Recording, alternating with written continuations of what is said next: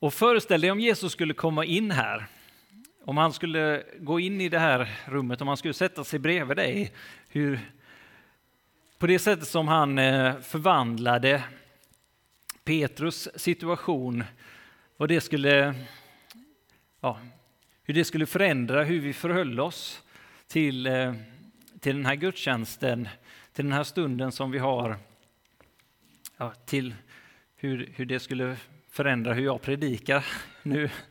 Men, eh, eh, men bara vad det gör med oss. Och faktum är att Jesus är ju här. Eh, han är ju mitt ibland oss. Han är där precis bredvid dig. Eh, och vi får vara medvetna om det. Vi får vara, vara medvetna om att vi har Jesus själv mitt ibland oss. Vi får vara bärare utav, utav honom, utav eh, hans närvaro. Att det är det som gör hela skillnaden. Det är det som gör att vi, det är värt för oss att komma hit, att samlas, eh, att, eh, att vara församling. Att både betala det priset som det är att, att samlas, att leva det, det livet. Och det är det som fyller oss med, med liv, fyller oss med glädje, fyller oss med, med tro och hopp för, för den här tiden. Fyller oss med tro för vad han, han kan göra och ibland så, så tappar vi, vi blicken på det. Vi tappar fokus på, på honom och på hans löften, på hans ord, vad han har sagt, vad han har talat till mig. Men då får då kliver han ibland in, eller han, han gör det, han kliver in och, och säger, som han också säger till Petrus efter hans uppståndelse, då kommer han till honom och han säger Petrus, älskar du mig? Och Petrus han har kastat sig i vattnet och han har, när han har fått höra att det är, det är Herren. Och han får komma till honom och, och Petrus står där och han, han säger ja, jag älskar dig. Och eh, Jesus frågar igen, Petrus, älskar du mig? Och han, han säger, för mina får på bete. Och, och han frågar honom om och om igen. Och Petrus får gå in i omvändelse och han får sitt syfte förnyat, han får sin blick rensad, han får en ny klarhet, en ny vision, ett nytt syfte. Han får tillbaka sin identitet sin uppgift, sin, sin kallelse. För att han får möta Jesus på nytt. Jesus kliver in i hans situation. Och idag är temat utrustande och sändande. Och det låter ju väldigt bra. Det är ett bra tema. Eh, Jesus var och han är just, just det, utrustande och sändande. Och när vi läser igenom evangelierna så möter vi honom i det, precis som vi eh, har hört här om Petrus. Men eh, vi möter honom i det hela tiden, att han utrustar och han sänder människor. Han kallar människor till sig och han sänder ut dem. De får komma in i hans närvaro och i hans gemenskap, i eh, situationer runt omkring honom och de, de blomstrar. Och de helas, de, de förvandlas och så får de gå ut därifrån och de får berätta. Vi möter människor som är bundna i, eh, de är demoniskt besatta. De är eh, förlamade. De är fullständigt, eh, deras liv är ingenting egentligen. I världens ögon sett i alla fall. Och Jesus kliver in och han, han sätter dem fria. Och till vissa säger han, gå inte och berätta om det här. Men de gör det ändå. Och till andra säger han, nej, stanna kvar här och berätta om detta. Och personen går ut och berättar till hela området om det. Andra får leva kvar i hans eh, närvaro under längre tid och höra från honom, följa med honom, lära, formas. Och vi skriver i vår eh, grundsats att eh, vi tror att vi har kallelsen att vara en utrustande och sändande församling. Och så skriver vi likt Jesus får vi ta emot människor och grupper, utrusta och sända dem vidare till de platser och sammanhang där Gud vill ha dem. Och det är ett spännande uppdrag. Och som sagt, så fort Jesus börjar sin tjänst så kallar han människor till sig, lärjungar och andra som finns runt honom och han rustar och tränar dem hela tiden. Han undervisar och betjänar i Galileen, det här området som han rör sig mycket i. Men samtidigt har Jesus sändningen för ögonen. Han är precis där han är och han kallar människor till sig. Han kallar sina lärjungar till sig. Som vi har hört Petrus och Jakob, Johannes och alla de andra som blir hans apostlar kallar han till sig. Och samtidigt som han lär dem de första små stegen så har han sändningen som han sedan ska sända dem i att gå till jordens yttersta gräns. Att han har både det de första små travande stegen och den, den stora planen för ögonen. Samtidigt. Och han sänder ut lärjungarna två och två att predika Guds rike. Och han ger dem kraft att bota sjuka, driva ut demoner, uppväcka döda. Och de sänds ut och de lär sig. De lär sig att vara lika honom, att eh, göra det som han gör. Och de tränas i att förstå vem deras Herre är och att vara helt beroende av honom. Att lita på Jesus oavsett situationen. Och det är det som vi läser exempelvis i Markus evangeliet kapitel 6. När Jesus sänder ut dem då, så säger han till dem att ta inte med er någonting. Ni, ni får ta med er er stav, men inget bröd, ingen, ingen väska, inga pengar, inga extra kläder. Lita på mig när ni går. Lita på att jag är med er när ni kommer till en, en stad eller en plats. Att jag kommer förse er, jag kommer ge er orden som ni ska säga. Jag kommer göra saker genom er.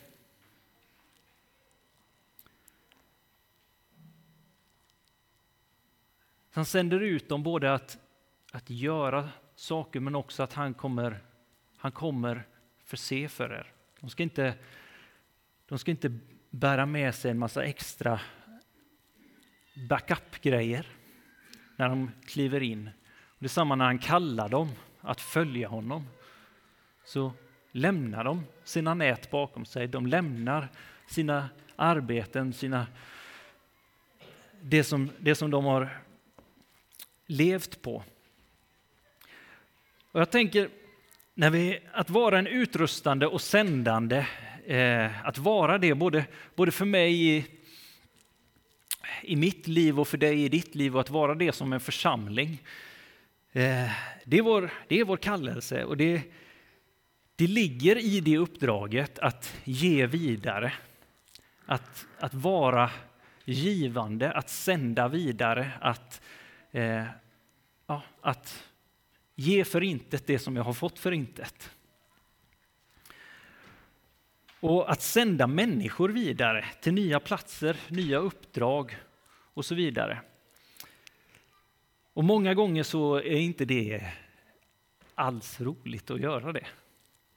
Det kan, det kan vara roligt. Eh, det kan vara jättespännande att få se att oj, nu har det växt till och jag får, jag får ge det här vidare, det här utflödet som kommer i mitt liv eller det här som kommer i vår församling, det får vi ge vidare på nya sätt och så, och så vidare. Det är, det är fantastiskt spännande och, och kul att se det hända.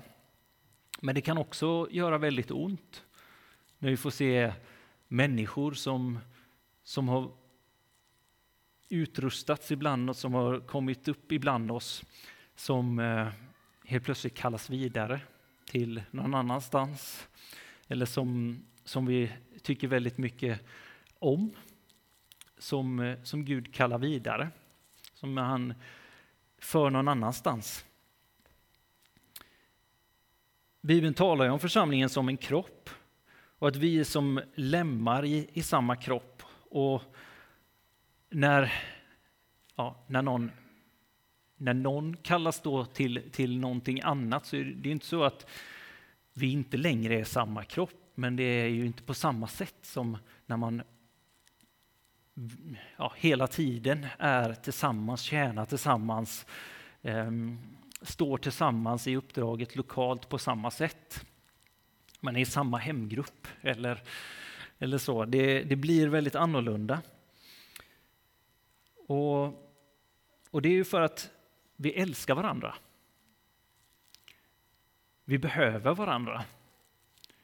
Och Det kan ju också vara så att man ser att någon kallas vidare och, och vi behövde den personen väldigt mycket. Det var, det var en viktig person för oss faktiskt som, eh, eh som gjorde väldigt mycket.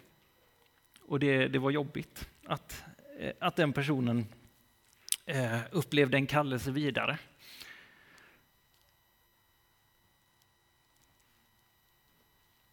Så att den dimensionen finns ju, finns ju med i detta.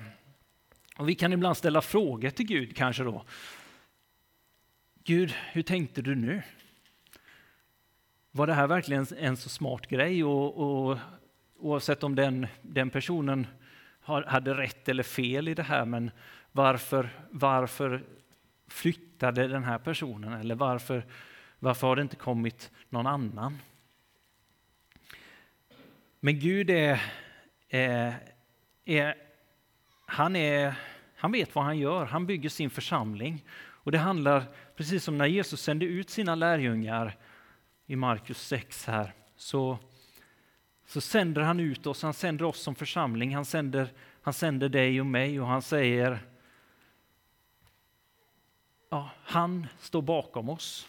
Och han säger ta med din käpp, men du, han, sänder, han sänder inte oss med, med den fullt packade ryggsäcken och att vi, vi alltid kommer ha alla saker som vi behöver hela tiden och att eh, vi, ett visst gäng, kommer stå tillsammans och, och göra det här tillsammans. Ser man på de här apostlarna som fick gå ut tillsammans, de gick visserligen två och två, men, men de börjar tillsammans och så kommer pingstdagen och så, så blir de 3000 och så växer de hela tiden och så sen kommer det en förföljelse och så sprids de allihopa ut.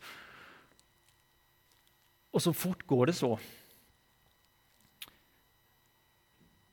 Och man kan ju tänka de här tolv som har följt Jesus tillsammans och stått tillsammans, burit varandra, kanske stört sig på varandra, men älskat varandra och varit med om både Jesu död, uppståndelse, väntan på anden, alltihopa.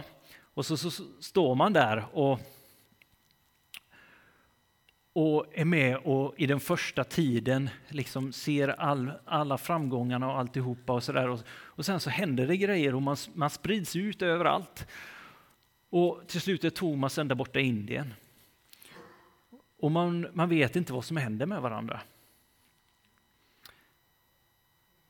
Men Gud har lov, lovat att förse, han har lovat att att han ska ge oss orden som vi behöver. Han har lovat att han, han kommer gå med oss. Hans ande kommer vara med oss, att han kommer sätta oss på rätt plats i rätt tid.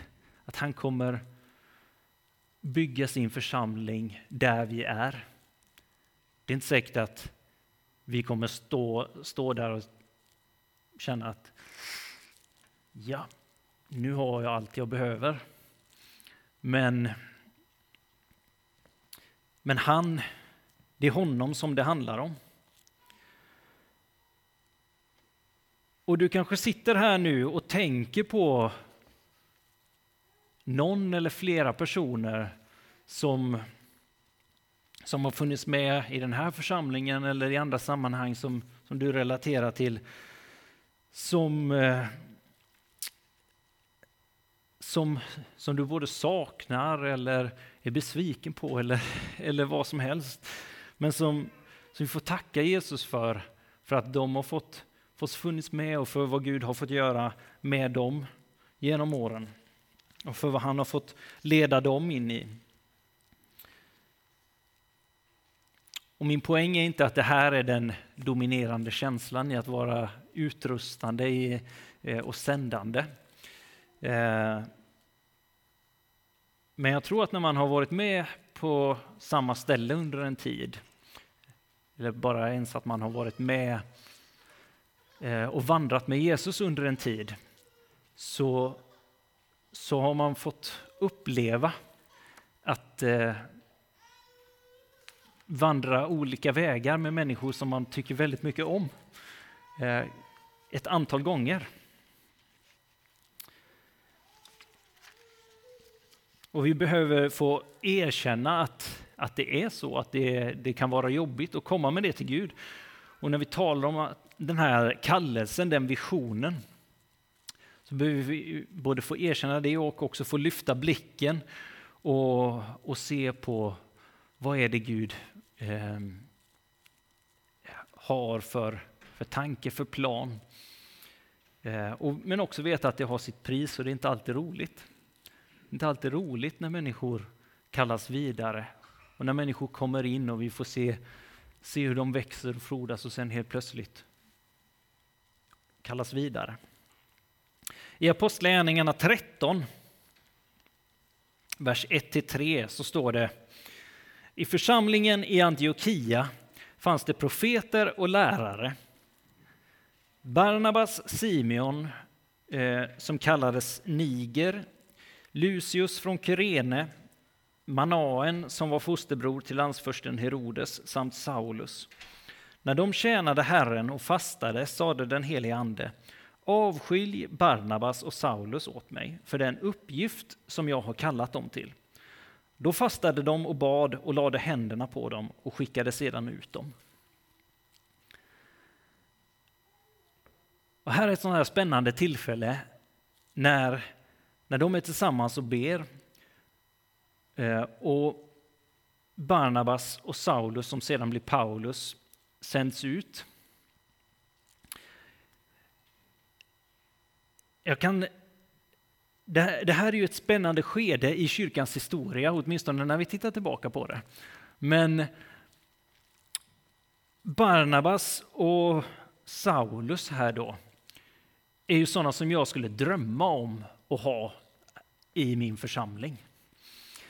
Alltså det är ju fantastiskt moda grabbar.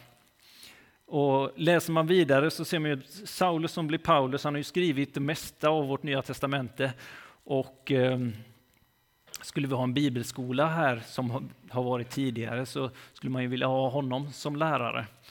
Och Barnabas han var ju inte mycket sämre själv. Eh, det är ju sådana som, som är bra, bra grabbar. Och eh, i Antiochia så har de varit ett tag och utrustat, eh, varit med och byggt upp församlingen och utrustat församlingen. Och så, så är de i bön där och så får de tilltalet av den helige Ande att ni ska skicka ut de här.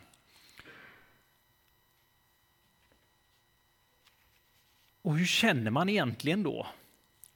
När man upplever detta? Att det är de här som ska skickas ut.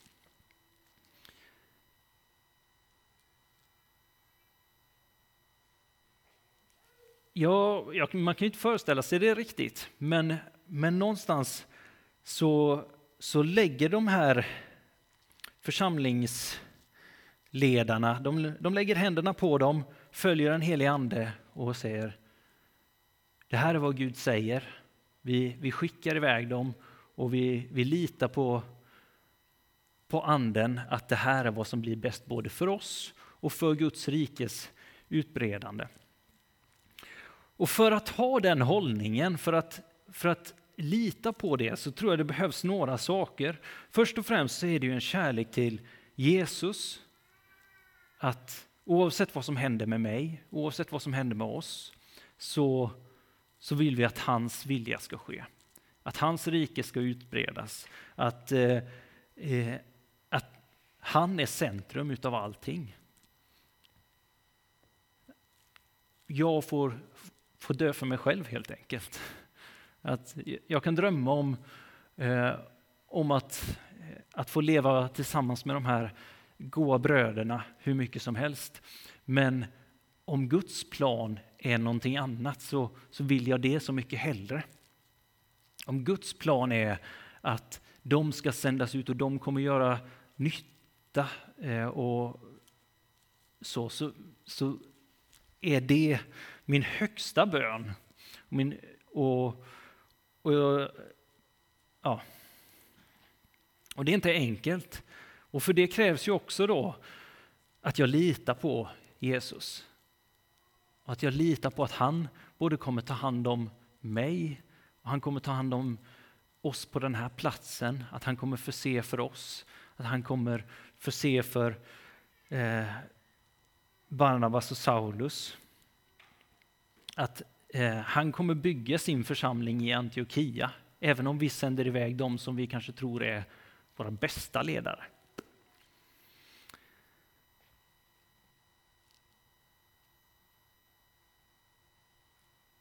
Och det kanske kan kännas omöjligt ibland. Men vi litar ju faktiskt där på att Jesus vet vad han gör. Eh, när, när, han, när han talar om någonting som känns som att det här är, är helt emot vad som egentligen är det som jag hade gjort. Om jag står med de här personerna, så jag hade kunnat skicka dem, men de här skulle jag aldrig skicka. Nu får man inte säga så som ledare, eh, men ja. Ehm, men litar vi på att Jesus vet vad han gör och litar vi på att han kommer bygga sin församling. Att älska Barnabas och Saulus tillräckligt mycket. Älskar jag dem tillräckligt mycket för att, för att faktiskt välsigna dem in i det som, som Gud kallar dem in till? Att avskilja dem och lägga händerna och välsigna dem in i det, även om jag står kvar. Jag är inte den som Gud säger avskilj Jonathan in i detta. Utan jag, jag står kvar. Men det handlar inte om egentligen vem det är som Gud sänder in i detta. Utan det är Gud som möjliggör för personen att göra det. Det är Gud som som i slutändan kommer öppna dörrar och göra det. Det är han som kommer ge kraft. Det är han som kommer också bygga sin församling på hemmaplan som jag har varit in, inne på och allt möjligt. Och så. Men, men älskar jag dem tillräckligt mycket? Älskar jag mina bröder och systrar?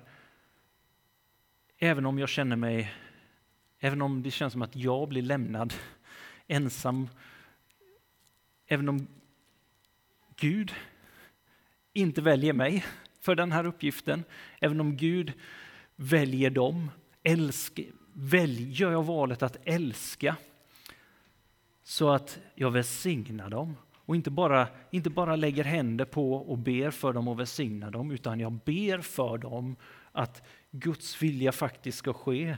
Jag ransakar mig så att jag inte låter någon bitterhet, någon avund, någon missundsamhet få finnas hos mig. Utan jag gör det det så bekänner jag det inför Herren som, som synd. Jag ber honom om att rena mig. Jag faktiskt välsignar, honom, eh, välsignar dem och, och ber om att Guds rike ska få växa att Guds rike ska få framgång och att det bästa ska få ske genom dem.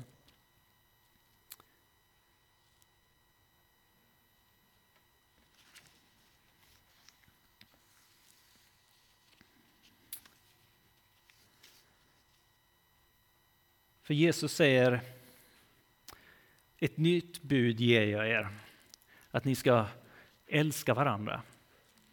Eh, och det är så som vi ska bli igenkända, att, eh, att vi älskar varandra i en genuin kärlek där det inte finns utrymme för, för någon någon bitterhet, någon, eh, någon avund eller, Eh, eller där, vi, där vi inte önskar varandra framgång eller, eh, eller välgång eller så.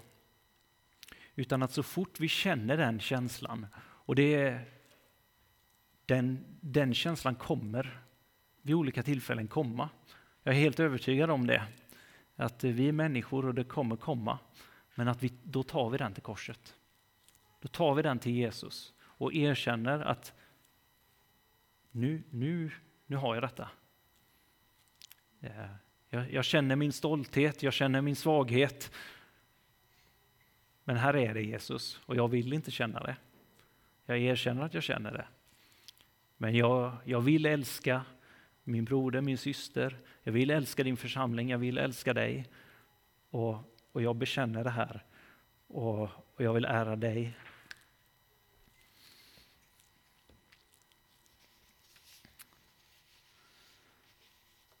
Och Jesus kommer ge oss den kraften. Han kommer ge oss vad vi behöver. Han kommer fylla oss med sig själv. För det, allting handlar om honom. Och när Jesus har sänt ut sina lärjungar, när han har när han har, har sänt dem, som han gör i Markus 6, och, och de får komma tillbaka och de berättar om vad som har hänt, då tar han med sig dem till, eh, han vill ta med sig dem till en öde plats där de ska finna ro, men folket älskar Jesus. De älskar honom och de, eh, de är attraherade av honom. De vill möta honom. Så de följer efter och när Jesus och lärjungarna kommer dit så, så är redan folkmassorna där. Och det som, som var tänkt för, för vila för lärjungarna, det blir helt plötsligt ett kampanjmöte. Där Jesus förbarmar sig över över eh, folkskarorna. Så han säger inte till dem, ge er iväg nu för jag ska ha egen tid med mina, mina lärjungar. Utan han, han förbarmar sig över dem och han undervisar dem och han tar tid med dem. Och lärjungarna, de, de möter de får vara nära Jesus och med honom och även i den tiden som kanske är förvirrande för dem, när de inte förstår. Vi skulle ju ha tid med honom nu. Så, så tränas de. De får lära sig Jesu hjärta för människor. Och de får användas. Och de kommer till honom och säger eh, den här platsen är öd, ödslig. Nu är vi i Markus 6, 35 Platsen här är ödslig och timmen är redan sen.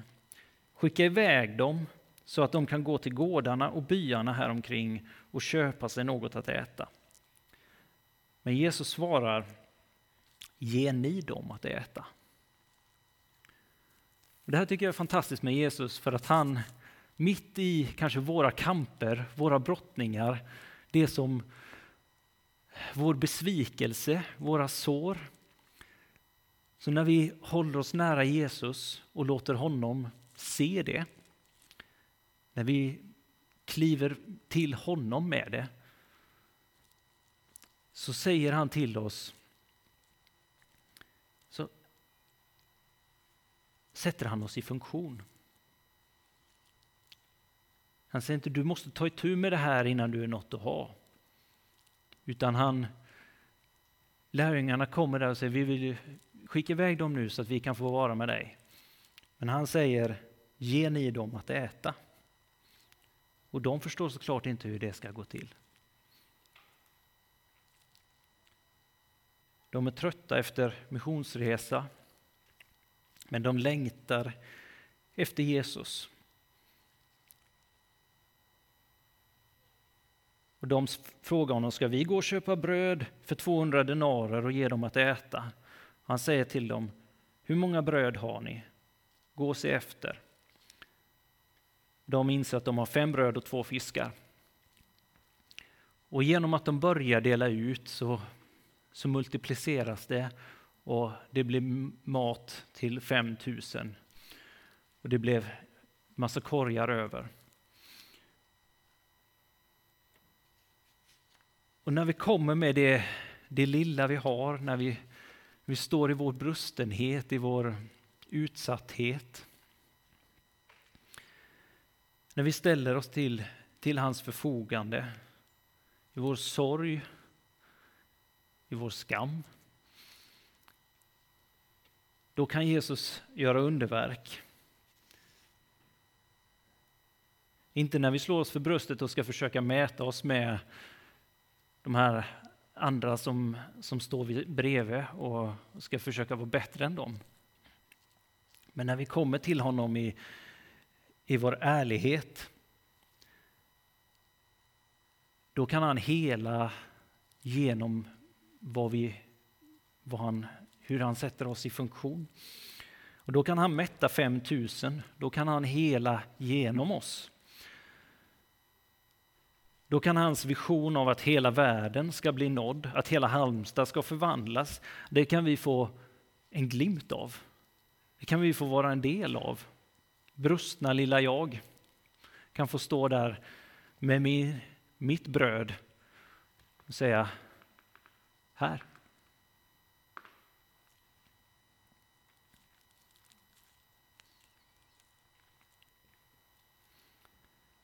Och i den gemenskapen får, får människor vara med och, och smaka på det och, och växa till och, och möta Jesus.